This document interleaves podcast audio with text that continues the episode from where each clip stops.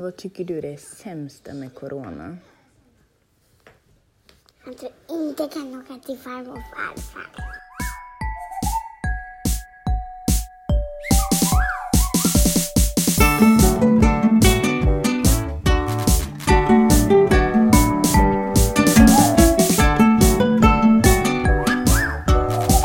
Hej, hej, hej, hej, hej, hej, hej! Då var det dags för Barnrättssnack. Det är måndag och det är avsnitt 62. Hur mår du, Åsa?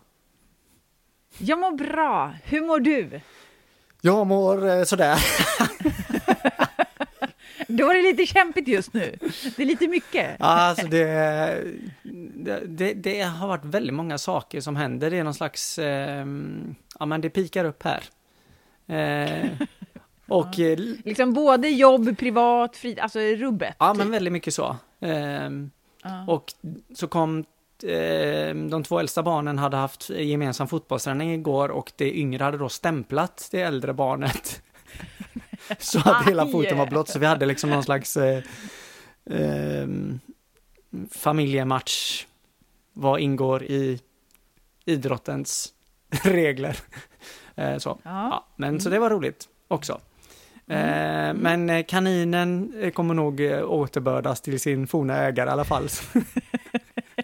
Är det så? ja, ja, alltså. Det är ingen, är ingen som har känt att åh vad det här var bra. Nej, nej, nej, nej, nej. Nej. Nej. Ehm, nej. Så, ja. Och så ska det säljas strumpor och det ska göras utvecklingsbedömningar och det ena med det andra. Så att det är högt och lågt. Mm, mm. Men idag har vi ju ett jätteintressant s- s- Vi måste börja säga någonting annat än det. För vi, det säger vi Nej, men okej, jag kan gång. säga så Den här. här veckan är det jättespännande. Åh, så intressant den här veckan ska Så Jag tänker vi måste faktiskt börja säga någonting annat. Nej, men jag kan säga så här att Vi kan använda, använda ord. Nej, det blir ett väldigt berörande avsnitt. Alltså jag känner att jag, jag, det är ju någonstans när man är lite så här, när det är mycket så, så, så har man ju någon slags nära till eh, alla möjliga känslosträngar också. Att, och när vi har suttit med det här och, och förberett det så känner man ändå att, ja men det här är ju, ja jag vet inte, det, det är någonting som eh, tar tag i en, eller tar tag i mig väldigt mycket så. Men det, säg någonting om, vem var det vi hörde i början här? Eh, vi hörde en person som eh, är rätt förbannad och ganska trött på corona. Eh, en person som ju har levt med corona i ungefär en fjärdedel av, av sitt liv. Och som saknar allting, saknar ju liksom släktingar, nära personer runt omkring, att få träffa, att få krama personer. Alltså, jag tycker ändå liksom att det är så viktigt, för vi kommer ju prata lite om de yngsta barnen, eh, det här avsnittet. Och och jag tänker lite att hade det här avsnittet spelats in för kanske typ, om vi hade gjort det här i början, så hade ju vi kanske pratat om det här på ett annat sätt. Men jag tycker att det går ju liksom inte att prata om de yngsta barnen eh, utan att faktiskt prata om att vissa barn har levt hela sina liv i en pandemi. Det är klart att det här kommer påverkas. Liksom, det påverkar dem på liksom, kort sikt, alltså det direkt som händer nu. Men det är såklart att det här kommer påverka, liksom, påverkat deras liv. Och jag tror att det är jättemycket som vi inte vet idag, hur det kommer påverkat. Ja, det finns ju ett och ett halvt-åringar som eh, kanske inte har träffat eh, mor eller farföräldrar eller fått vara på någon slags eh, barnsång eller eh, och så vidare. Det är klart att corona och hur det påverkar barn, ibland hamnar det lite väl mycket kring liksom studenter och distans och så. Det är viktigt, men det finns ju verkligen ehm, barn som har skolats in på förskolan eh, utan den vanliga inskolningen, eh, som har gått från förskola till skola eh, utan att föräldrar har, eh, eller vårdnadshavare har fått vara med någonting. Eh, man har inte kunnat påbörja vanliga aktiviteter som börjar när man är kanske fyra, tre, två, eh, fem år. Eh, så att corona har ju verkligen gett många barn och föräldrar eh, en, en, en annan start än vad de hade haft Mm. i vanliga fall. Eh, så. Man har inte kunnat Ja, ha vad heter det, föräldragrupper som efter barn föds som man ska kopplas till förra veckans. Eh, då, då brukar ju ofta de här grupperna som har träffats eller så fortsätta träffas efteråt. Det har man kanske inte Exakt. fått göra eller kunnat göra. Ehm, Ja, men jag tänker också, säger barn då som föds och att det blir vissa liksom, eh, svårigheter som gör att barnen kanske behöver vistas på sjukhus en längre tid eller att du föds för tidigt och så vidare. Då kanske du inte får träffa liksom, eh, om det finns en annan partner med på samma sätt. Det kanske handlar om att det finns eh, äldre syskon som inte får komma till sjukhuset eller säga att du har, alltså att det är ett barn som, som blir sjukt och som behöver liksom spendera lång tid på sjukhuset, som blir totalt isolerad från sin familj. Eh, lekterapin ställs in, alltså allting, att det blir liksom, barnen får ju, alltså de yngsta barnen blir så enormt utlämnade till vuxna till myndigheter, till alla runt omkring och har ju liksom väldigt få möjligheter att liksom påverka det. Så att, och det är därför som det är så otroligt viktigt med just den här, den här tidiga då barndomen. Eh, men jag tänker bara som en sån grej, hur kommer liksom... Alltså tänk barnen nu då som har levt hela sitt liv med, eh, i den här pandemin, som kanske inte har träffat egentligen nästan några andra vuxna än kanske sin eller sina föräldrar, kanske sina syskon, kanske har facetimat med liksom, släktingar och sådär. Hur blir det för, för det barnet att börja på förskolan? ja. Alltså med massa nya vuxna, massa andra barn. De kanske aldrig har sett så många barn samlats på en och samma ställe. Liksom. Hur gör en en sån inskolning? Och hur kommer den första tiden vara? Mm. Vad tänker du kring det? Liksom? Ja, jag tror att, eh, att den anknytning man har med flera vuxna då, kanske närmaste familjen eller grannar eller ja, andra vänner eller så, den får man ju inte. Eh, och det är klart att den delen skapar ju också en större, längre startsträcka för, för vissa barn. Eh, och om man då också lägger på den här eventuella stressen som är att eh, en förälder kanske blir av med jobbet på grund av pandemin. Ehm, Det är en våldsam hemsituation som också ökar på när ehm, oftast då mannen eller pappan jobbar hemma eller inte kan vara på arbetet eller mamman eller så. Så ser vi en riskfull situation så. Sen ska vi också säga det att det, för vissa familjer, men det här har ju också liksom ett klassperspektiv att för vissa familjer så så har ju det här liksom medfört en kanske större anknytning till någon person som alltid har jobbat mycket eller varit ute och rest eller ja, men det ena med det andra. Så att det, det är ju verkligen, det finns ett dubbelt perspektiv i det, men, men det negativa är eh, bara så här eh, ser ut att vara större på något sätt. Ja, men precis. Pratar vi utifrån någon form av heteroperspektiv så finns det ju väldigt många barn som förhoppningsvis också kanske har fått en annan relation till, till sin pappa. Ja, ja. Eh, att eh, du har haft kanske en mer närvarande pappa om det är så att du har liksom haft möjligheten då att arbeta hemma till exempel. Ehm, eller som du säger, inte rest och, och sådana saker. Så, att, så att det är klart att det finns många olika, det kanske finns, ibland kanske en kan, om man ska försöka så generalisera, vilket ju egentligen är helt omöjligt, men det kanske är fäll, färre relationer, men kanske också är tajtare relationer till några få. Alltså det är ju det som ändå kan hoppas i alla fall. Ja, och i Eh, vissa av de relationerna eh, gynnar barnet och sen också då eh, finns det andra som blir direkt dåliga för Mm. barnet. Ehm, Ja, nej, men det är Mm. verkligen eh, en, en, en, de allra yngsta barnen eh, blir verkligen, eh, och det, det, det blir tydligt med corona också, Mm, vi tappar dem på något sätt. Ja, men verkligen, verkligen.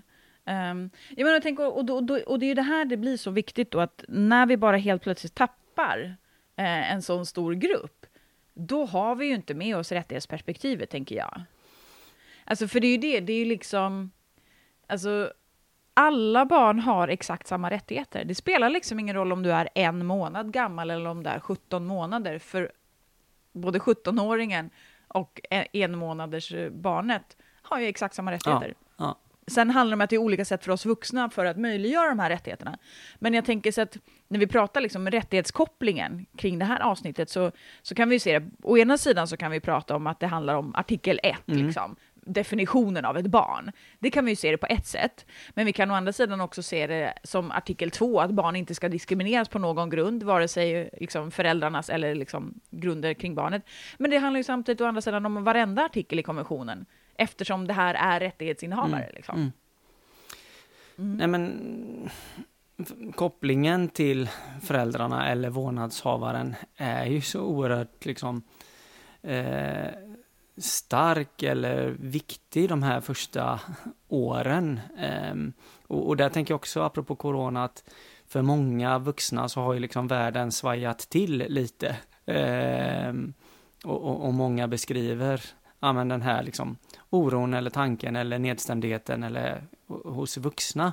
Ehm, Mm. Vilket gör att det präglar ju ännu mer den här liksom, ja men kanske delvis förmågan att eh, bli den här, eh, eh, vad heter det, eh, möjliggöraren för barnets rättigheter som, som den vuxne är väldigt mycket i den åldern. Eh, men också att man liksom hamnar i ett fokus på sig själv och, och tappar barnen där.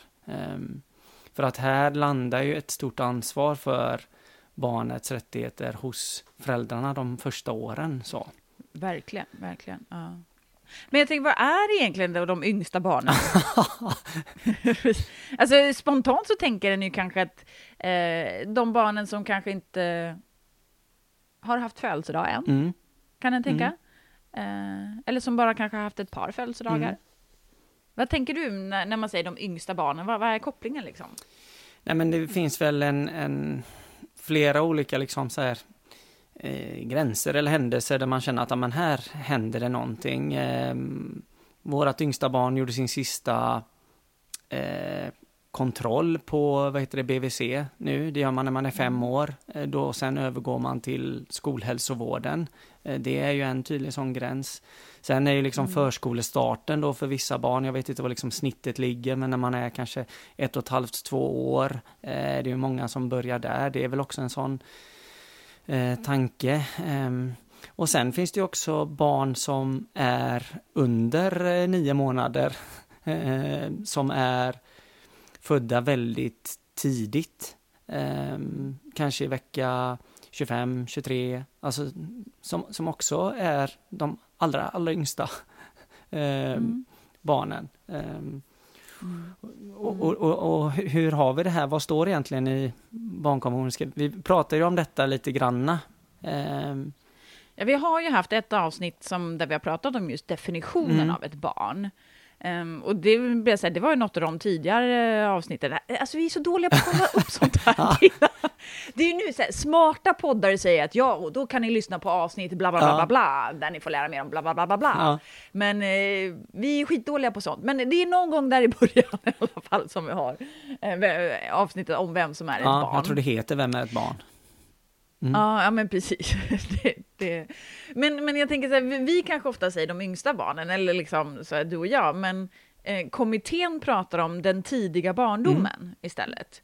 Eh, och så som då FNs barnrättskommitté definierar det, så säger de att ja, men dels så kan ju det här variera mellan olika länder och sådär, eller liksom det handlar om olika traditioner och sådär. Och ofta kan det också handla om just, eh, som du pratar om, de här olika stadierna, Mm. liksom, typ hur grundskolan, liksom, hur det är då organiserat.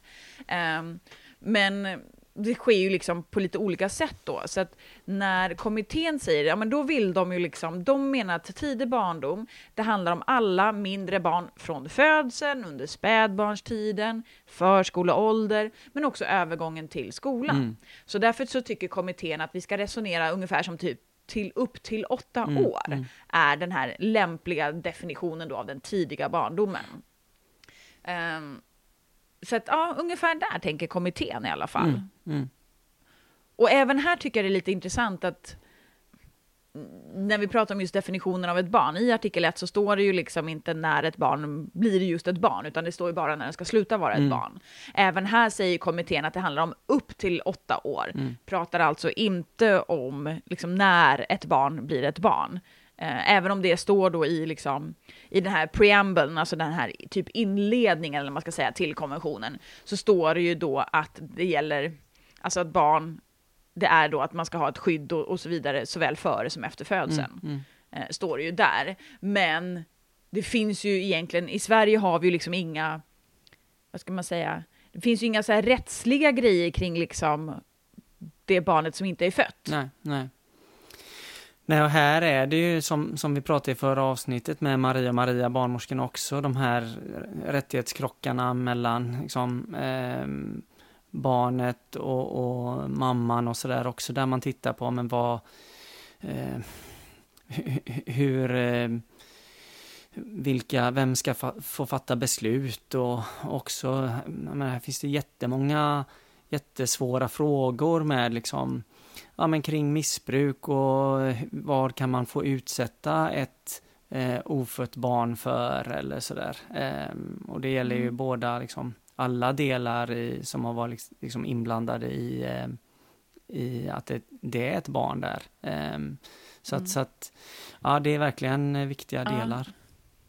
Ja men precis, så även om det liksom inte finns, alltså i nuvarande svensk lag så räknas ju då inte ett foster som en juridisk person eller liksom som anhörig på det sättet. Så det finns ju egentligen inga rättigheter så sett för, för det barnet.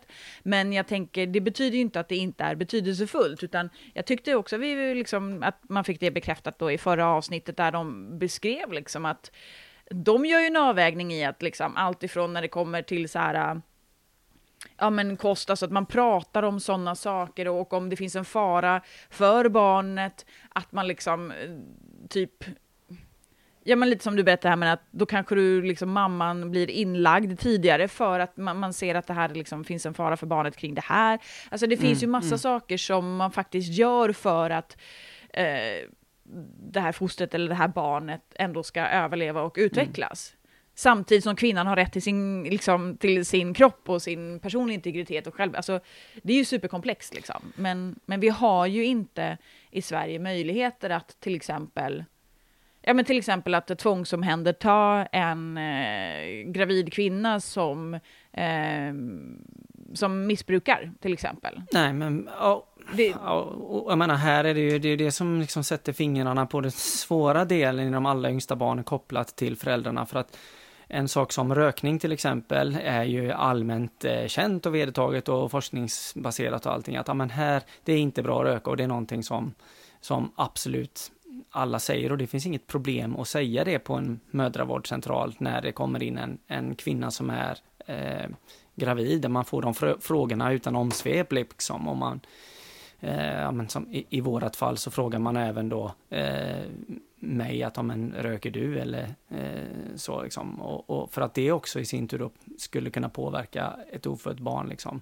Eh, mm. Men i frågor som kanske våld eller stress eller ekonomi eller annan levnadsstandard eller så, där är det svårare att fråga trots att vi ändå vet om vad som, hur illa det kan påverka ett barn. Så att eh, Eh, jag vet inte vad det är som, för att här på något sätt går man då, skulle man kunna gå in och eh, tänka att, ja, men handlar det om en livsstilsfråga eller är det liksom, ja, ja, förstår du vad jag menar? Att det blir, eh, ja men rökning är mer så här, det är enkelt att ta på, men en, en eh, man som eh, misshandlar en mamma som är gravid är ju också något jättekonkret att liksom prata om och ta mm. på så på något sätt. Um, ja, men vi har ju svårt att prata om ja, de sakerna ja, generellt. Ja, ja. Uh, men, mm. ja. men jag tror ju att jag har för mig, alltså att nu handlar det här, ska vi prata om i Sverige, men jag tror ju att det är i Norge som du faktiskt har en lag som skyddar när det handlar om exempelvis att du ska kunna tvångsvårda då en, en kvinna som är gravid som missbrukar, mm. alltså till skydd för just det ofödda eh, fostret eller det ofödda. Har jag för mig att jag vet inte om det är typ i enda landet i världen, jag har ingen aning, men mm. det kanske våra smarta lyssnare ja. vet eh, mer än vad vi vet. Eh, vet ni det? Hör gärna av er om ni vet. Men, men Norge har jag för mig har en sån lag sedan massa år tillbaka. Mm. Eh, så. Men ska vi prata lite om den här allmänna kommentaren kanske? För det finns ju faktiskt en allmän kommentar som FNs barnets kommitté har tagit fram som handlar just om de här yngsta barnen, eller ja, om, om den tidiga barndomen. Mm. Eh, det är kommentar nummer sju. Eh, så. Vad vill vi säga något, vad, vad, vad, vill vi säga om den? Det finns ju jättemycket vi kan säga om den. Den är faktiskt skitbra, tycker jag.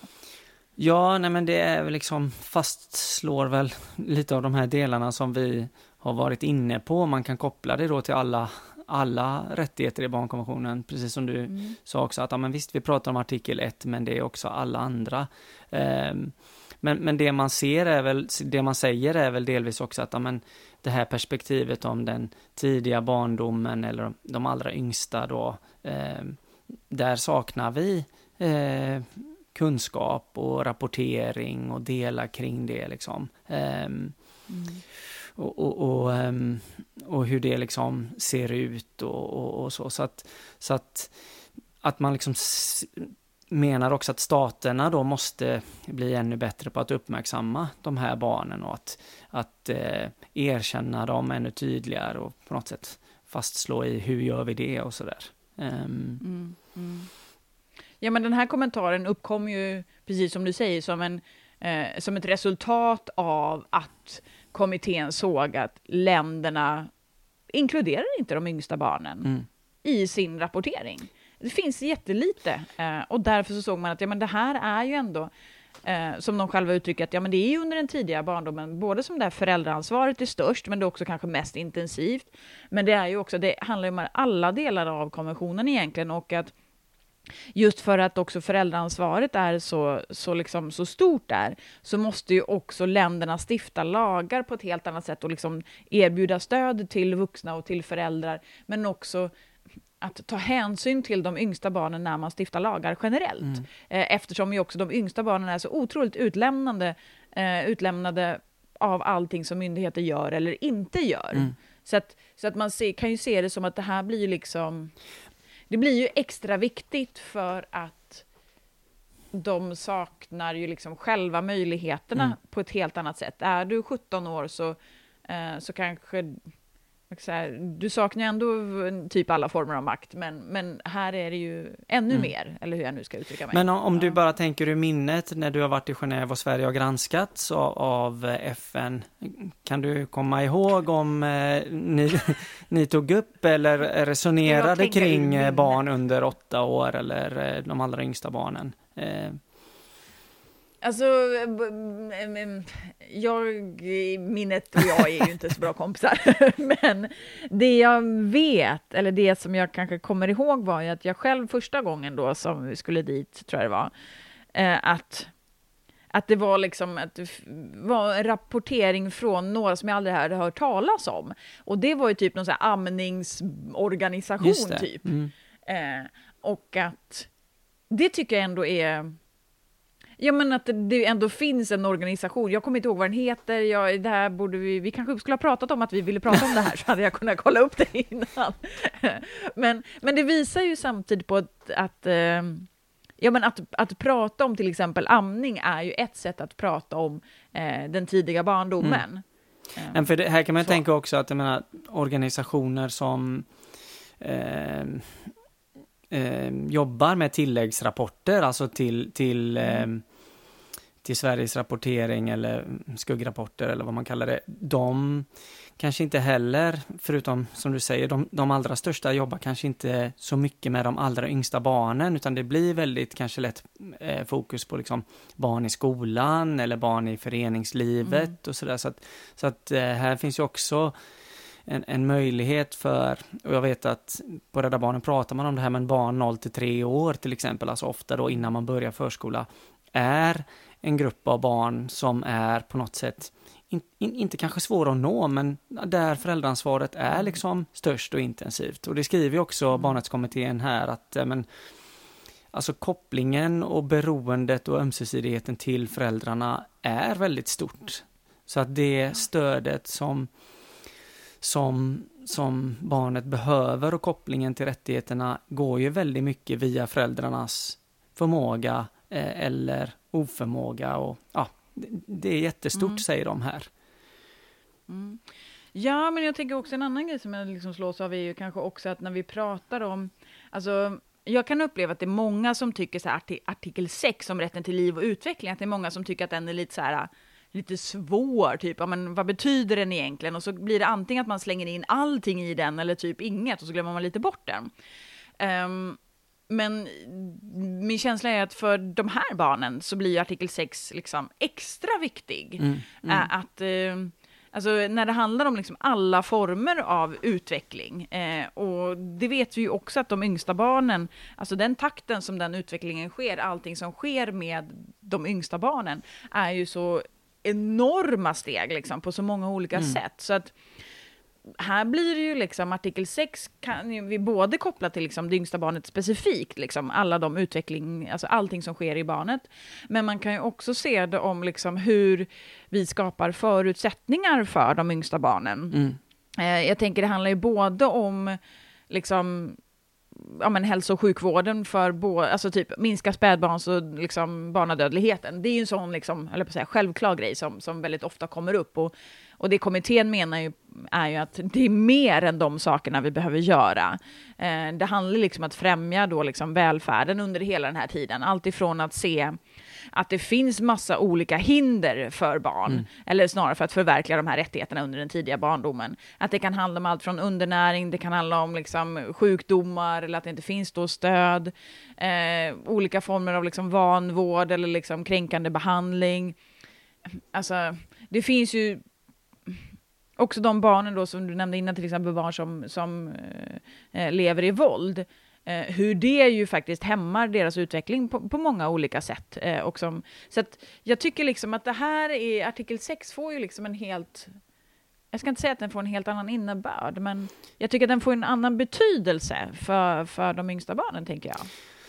Ja, så lägger man på det här att, att i den tiden så, alltså det här med att småbarnsåren är intensiv och, och, och det handlar ju också om att men då är också vuxna i liksom någon slags eh, man ska göra eh, kanske karriär eller hus eller allting så att och då är samtidigt att liksom jobba med barnets utveckling och se det och, och eh, allting. Alltså det, det är en jättestor fråga och vem är det som ska bevaka de här stegen hos barnen? Alltså, jag menar, på BVC tittar man på kurvor och man har ett program och sådär. Det gör man. Eh, men vi vet också att den här eh, alltså integriteten som kan finnas i en familj eh, där det är väldigt svårt att gå in och säga men så där som du mm. gör med ditt barn eh, är nog inte bra eller du borde eller kan du tänka så här eller så. Den är jättekomplex och svår liksom. Eh,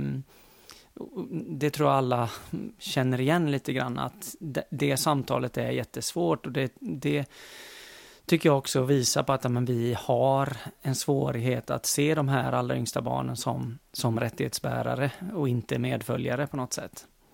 Mm, mm. Ja, och det är här jag tänker så här, kommittén säger ju något, något i stil med att men det första steget behöver ju vara att vi har någon form av liksom, eh, att vi har koll på eh, Alltså både tillgången till, men också tillgängligheten av olika tjänster som ska ju då, som bidrar till den här överlevnaden, men också utvecklingen hos barnen. Men det handlar ju också om att systematiskt samla in kunskaper om de här barnen, mm. eh, för att se då vilka viktiga grejer som rör då barnets och familjernas liv. Alltså det handlar om familjernas bakgrund och olika omständigheter. Och liksom det andra steget blir ju då att Ja, men att garantera just att alla barn har lika förutsättningar, eller snarare lika möjligheter då att kunna använda sig av det som finns. Jag tänker om vi pratar om liksom, alltså de säger att vi behöver ju liksom öka medvetenhet. Ja men säg så här, alltså om vi tittar på till exempel familjecentraler, mm. eh, som ju är liksom en, en samlande aktör för de yngsta och för liksom barnets vuxna. Det finns ju inte på alla ställen. Sen finns ju kanske liksom, finns ju de här instanserna och liksom finns ju överallt, men hur är tillgången till det, mm. till mm. exempel, mm. för? Eh, det är ett sånt sätt. Och vad har vi egentligen för kunskaper mm. då?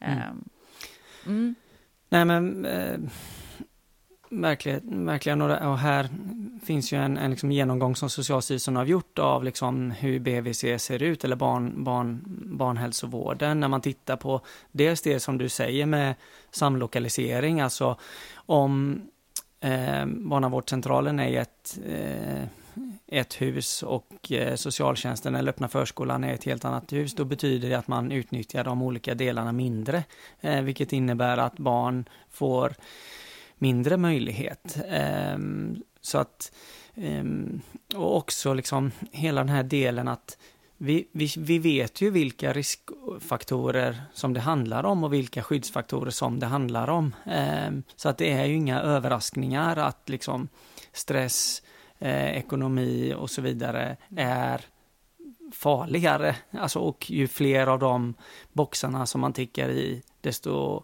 sämre är det för barnet. Så, mm. så att vi, det finns ju liksom en inbyggd diskriminering gentemot barnet eh, om föräldrarna tickar i, eller föräldern tickar i de här boxarna. Så. Mm. Som är viktigt att Ja, och det säger ju kommittén. Ja, ja men precis, ja. det säger verkligen kommittén att, att de yngsta barnen, eller då små barn, tror jag att de benämner det som, alltså löper ju en särskild risk för diskriminering, mm.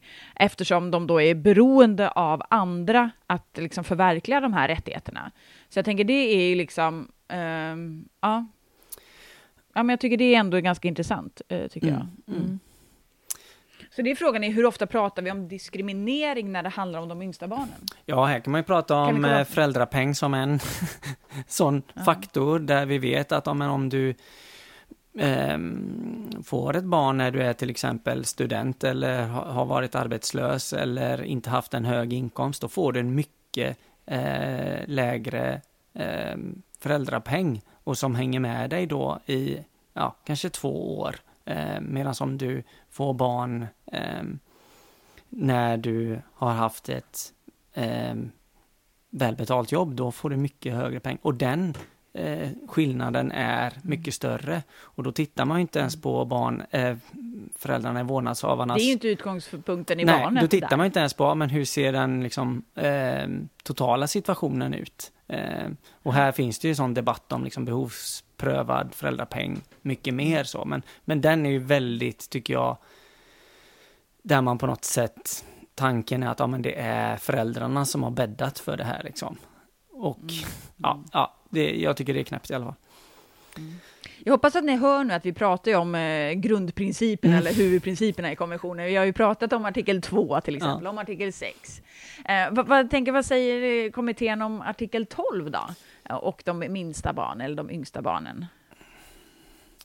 Ja, men här tänker jag att mm, liksom hela eh, det är ju jätteviktigt att tänka att amen, amen, det står liksom efter ålder och mognad och, och, man uttrycker sig efter sin ålder och man visar olika saker eh, när man är jätteliten liksom. Eh, det tror jag ingen eh, inte ser liksom. Eh, så att de här, den kommunikationen som ett spädbarn har är ju verkligen kommunikation.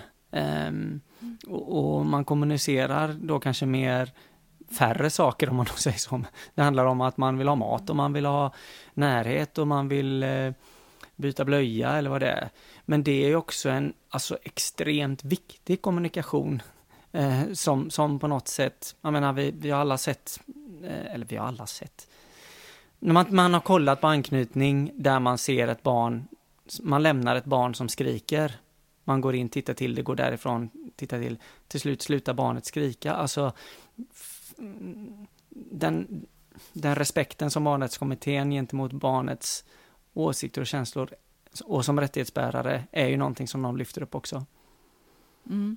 Ja, och det jag tycker, jag tänker så här, vi, vi hittar ju det på flera olika ställen, eh, just de, de yngre barnen då, eh, i, när vi pratar om artikel 12, om rätten liksom, Eh, att göra sin eh, åsikt eh, hörd, eller sin röst hörd och liksom få den beaktad. Så tänker att de pratar ju dels om, ja men till exempel om när vi pratar om barnets bästa, att vi kan inte veta barnets bästa om vi inte frågar barnet självt. Om vi inte liksom, men de säger ju också att eh, när det handlar om artikel 12 så kräver ju det eh, andra saker av oss. Alltså att det finns ingen nedre åldersgräns, utan det kräver ju även att vi som vuxna observerar barnet till exempel, att vi behöver göra mer för att eh, lyssna in det yngsta barnet eller de yngre barnen än vad det kanske gör eh, på ett annat sätt. Alltså, så att det handlar ju snarare om att det är vi vuxna som ska anpassa oss och inte att barnet liksom spelar egentligen ingen, ingen roll vilket kommunikationssätt som barnet har. Det är vi vuxna som ska liksom lyssna in mm. det. Det jag tycker är så superspännande, som jag, som jag så slogs av, som jag borde ha kollat upp, men jag vet inte om man pratar om känslor på samma sätt med de äldre Nej. barnen. Alltså att här säger ju kommittén att artikel 12 handlar ju jättemycket när det kommer till den tidiga barndomen, att respekt för barnets åsikter och känslor. Mm. Och jag vet inte, så här, så här, ha... Ja, pratar vi om det när det är de äldre också? Nej, men jag ryckte jag ryck, jag ryckt också till på det lite grann. För jag tänkte också till på det för att jag... Eh, det är ju väldigt tydligt och att, och att när man tittar på liksom de råd som man har kring kommunikation med ett litet spädbarn så handlar det ju väldigt mycket om känslor, alltså det här bekräfta barnet när det skrattar, skratta tillbaka, alltså när man ska liksom jobba med anknytning och sådana saker. Då är det ju väldigt mycket känslor, eh, känslor som man liksom använder. Men eh, om du säger att du ska jobba med en högstadieklass eh, eh kring, kring, kring, artikel 12, då, då, då tar vi bort känslorna, utan då blir det väldigt fyrkantigt. Men om man tar tillbaka det till min stora dag, när man, de liksom också pratar om det här med att ha roligt. Det, det, det, det känns ju också verkligen som att det här är någonting som vi vuxna tar bort och inte så mycket barnen, för att då, där ska det vara liksom mm. känslor det är det man vill för att det är, mm. är någonting som leder till allt det här andra bra. Så det är väl, mm. ja men vi får väl börja prata mer om känslor helt enkelt, eh, mm. du och jag också, mm. och alla andra där ute. Mm. Ja, absolut. Det... Ja. Nej men jag tänker, och det är väl det de säger kommenterar, alltså med barn, alltså även i den tidiga barndomen så fattar barn beslut, de kommunicerar sina känslor, idéer och önskemål på väldigt många olika sätt. Och de gör ju det också långt innan de kan liksom kommunicera då med det talade eller det skrivna språket. Så att jag tänker, ja, det är viktigt på det sättet. Men jag måste bara säga, har du sett det där? Det finns ju ett filmklipp som jag inte vet hur gammalt det är. Um, där det sitter ett barn som kanske är typ, jag vet inte, ett och ett halvt kanske eller något. I, i ett rum och så gör de ett typ ett experiment för att se liksom, för det finns ju en, jag uppfattar att vi inte tar de yngsta barnen på allvar, att vi liksom eh, tror typ att de, ja men som du säger, de är bara medföljare, de hänger på, de anpassar sig inte, utan att de är så här, de bara är mm, liksom. Mm. Ehm, men det här filmklippet visar så tydligt hur eh, barn väldigt, väldigt tidigt anpassar sitt beteende utifrån vuxnas liksom, reaktioner eller hur vuxna agerar. Ja. Mm. Alltså det är precis, och då, vet, har du sett det klippet? Det sitter ju ett barn i du ska se så att jag kommer ihåg hur det är, men, men det sitter ett barn i knät då på en vuxen, eh, en, en, som en utgår då från är en nära vuxen till barnet. Och så sitter de vid ett bord och så mitt över bordet så sitter det en annan person som säger hej, kolla här, här har jag en burk eller vad det nu är, någonting så här att leka med. Och så gör den här vuxna personen, leker lite med det och så lämnar över det då till barnet. Varpå barnet börjar liksom, ja, pilla lite på det och sen så då, ja tack så mycket, nu tar jag tillbaka den. Och sen så liksom Eh, fortsätter den vuxna personen och plockar upp något nytt eller om det är samma grej, jag minns inte, och sitter och liksom leker med det. Och då kommer in ytterligare en vuxen person i rummet eh, som sätter sig bredvid där, ah, typ och säger så ah, jag ska bara sitta här och läsa tidningen. Och så fortsätter den här vuxna andra då att hålla på och leka med den här grejen. Varpå den nya tidningspersonen bara så här, men hallå lägg av, det där låter så mycket, gud vad irriterande det där är. Mm. Okej, okay, säger hon, jag bara leker lite. Eh, och så tar den här arga personen då upp tidningen och, eh, och läser. Och efter det så skickar då, lämnar hon över lekgrejerna då till barnet. Mm. Där barnet då väljer att inte röra det. Ja. Utan att tittar otroligt mycket på den arga personen, tittar på den som har gett ja. och så liksom rör sig inte överhuvudtaget mm. Här är ju ett sånt supertydligt exempel på hur barnet faktiskt anpassar sig och undviker ju att göra den andra vuxne arg igen. Ja, ja. Alltså, mm, jag tycker det är både så här, äh, å ena sidan tycker jag att det är väldigt deppigt att se det där klippet. Uh, för att ja, ja, men hur, hur liksom barnet faktiskt blir osäker och rädd och vet inte hur den ska agera. Men också så tycker jag att det är så här positivt i att vi börjar prata om, alltså synliggör att de yngsta barnen Ja, men de är ju människor som alla. Ja, och ja. Eh, det är bara ledsamt att de... Alltså jag tycker det är positivt att vi visar det här, men det är ledsamt att eh, när det blir så tydligt hur barnen anpassar sig efter vuxna. Liksom. Ja, det jag, jag håller med och det jag tycker är viktigt eh, att på något sätt lyfta fram är att vi har mycket kunskap om de här frågorna och vi vet det och det gäller att på något sätt påminna oss om att vi kan mycket, mycket om hur de yngsta barnen påverkas av oss vuxna vad gäller liksom anknytning eller beteende eller um, ja, alla möjliga. Och det finns också liksom instruktioner på 1177 hur man kan jobba med de här grejerna um, som, som, som vuxen och ja, men, tydliga råd, men sitt inte med mobilen när barnet är där när du matar. Ja, men du vet, alltså det, det är, det finns också tydliga grejer alltså, och, och kunskaper som vi faktiskt kan, kan få så. Mm.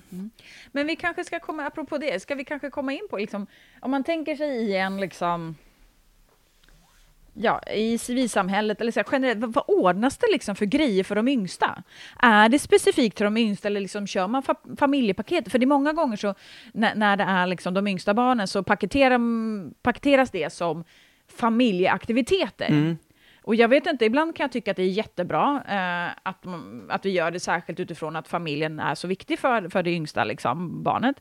Men ibland kan jag också så här, störa mig lite på det utifrån att då blir det verkligen så här, det finns ju inget... alltså att det inte är för det enskilda barnet utan det är för familjen hela tiden. Då blir de kanske också de här medföljarna på ett annat sätt. Även om man egentligen kanske vill rikta aktiviteten till det yngsta men använder liksom familjebegreppet bara för att tydliggöra. Alltså jag vet inte, fattar du vad jag menar?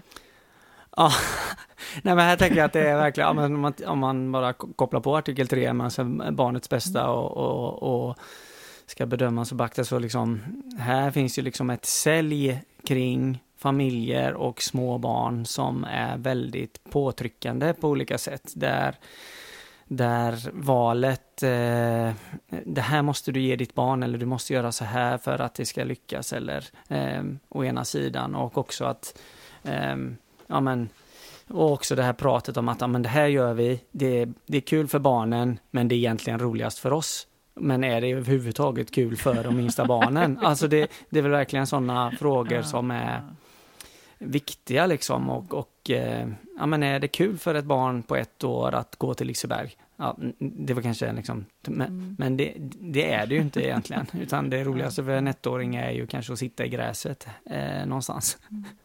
alltså så, och, och, där är väl verkligen eh, viktigt det, att... Kan man inte ta det? det är, ja, Nej, men det är viktigt att liksom pr prata om sådana grejer, men vad, Ja, men nu när man ska planera sommaren till exempel. Men vad tycker egentligen barn är eh, roligt och kul och viktigt mm. liksom? Um, så.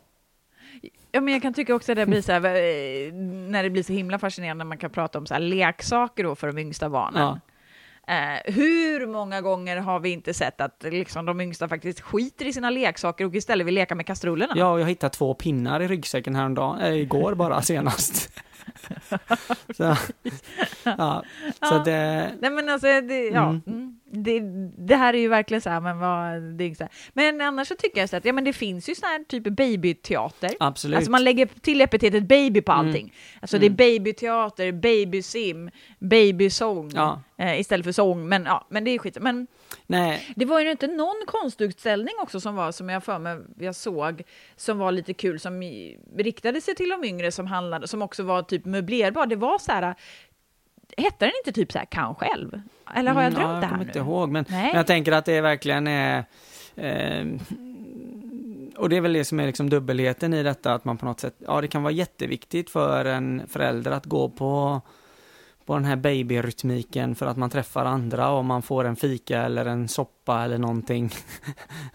och man mm. slipper liksom laga en lunch själv liksom. Eh, och för vissa barn kanske det kunde kvittat om man var där eller inte. Men det är väl det som är liksom det svåra och det här, eh, vad heter det, svenska med baby är ju också jättebra mm. och intressant. Men där, där, blir det ju många andra kontakter som, som föräldrar som är nyanlända kan få med föräldrar för att få liksom kanske hjälp med det här och fylla i mm. Försäkringskassan papper och allt vad det är liksom. Um, men, men um, Ja, jag vet inte, jag har ju någon slags... Eh, eh, ja, jag, jag, får ju nästan liksom, jag får anstränga mig väldigt hårt för att gå på vissa av de här sakerna. Hatar du aktiviteter nej, för de yngsta Nej, barnen? men liksom att gå till en lekpark ibland kan ju vara, är ju fruktansvärt ibland alltså. Eh, för man också känner att det här är...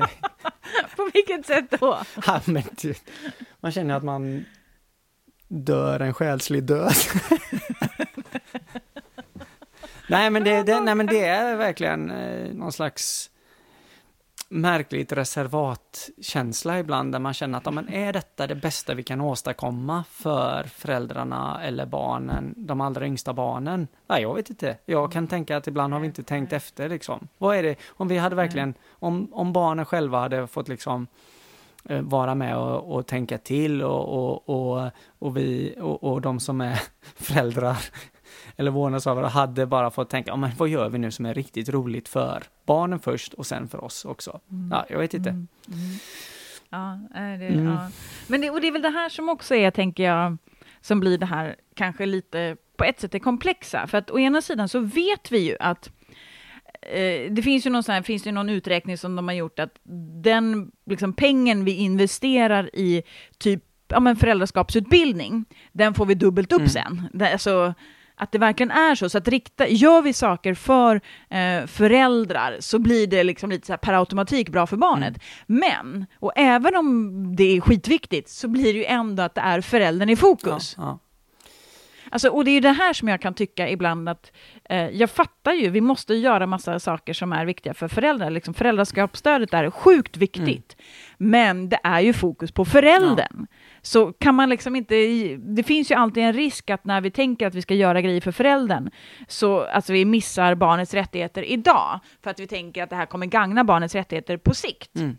Förstår du hur jag menar? Alltså jag tycker att det, det, vi pratar lite för lite om det kan jag känna, den här liksom... Ja, nej men man pratar ju, det är precis som du säger att föräldraskapsstödet pratar man ju om som en universellt föräldraskapsstöd eller generellt eller sådär. Och man ska sikta brett och göra många insatser och man har sett att det är bra. Men, men vad hade hänt om vi la in föräldra och barnstödet, alltså om vi la in barnen eller de allra yngsta barnen när vi pratar om det, då tror jag verkligen att vi hade kunnat komma en nivå till att man också hela tiden eh, tvingades att liksom lyfta in artikel 12 eh, på något sätt i, i, i frågan för att det är ett stort fokus på föräldrarna och, och det ska det vara men det hade vi lyft in barn i det så tror jag att eh, vi hade kunnat spetsa till det ännu mer faktiskt. Är, är, var det slutorden kanske? Vi kan spetsa till det mer. Ja, men det tycker jag. Det kan vi väl. Och, och, ehm, och eh, ja, men som sagt, det finns mycket att prata om här kring liksom, eh, anknytning och hur det ser ut över landet kring liksom, de här olika insatserna och sådär. Eh, jag måste bara säga en sak till om det här med eh, våld och det var ju det här med att när Socialstyrelsen har kollat på vilket material som finns i de olika regionerna tillgängligt på BVC då var det ju, och det här är från 2020 så det är nyss liksom att eh, alla regioner hade kring amning, vaccination och barnsäkerhet och någonting, men bara 13 hade tillgängligt material kring våld. Hälften Ja, alltså, typ. och eh, missbruk och det känns ju som, ja, speciellt i tider som vi lever i nu att ja, men det här är ju helt otroligt att det är så.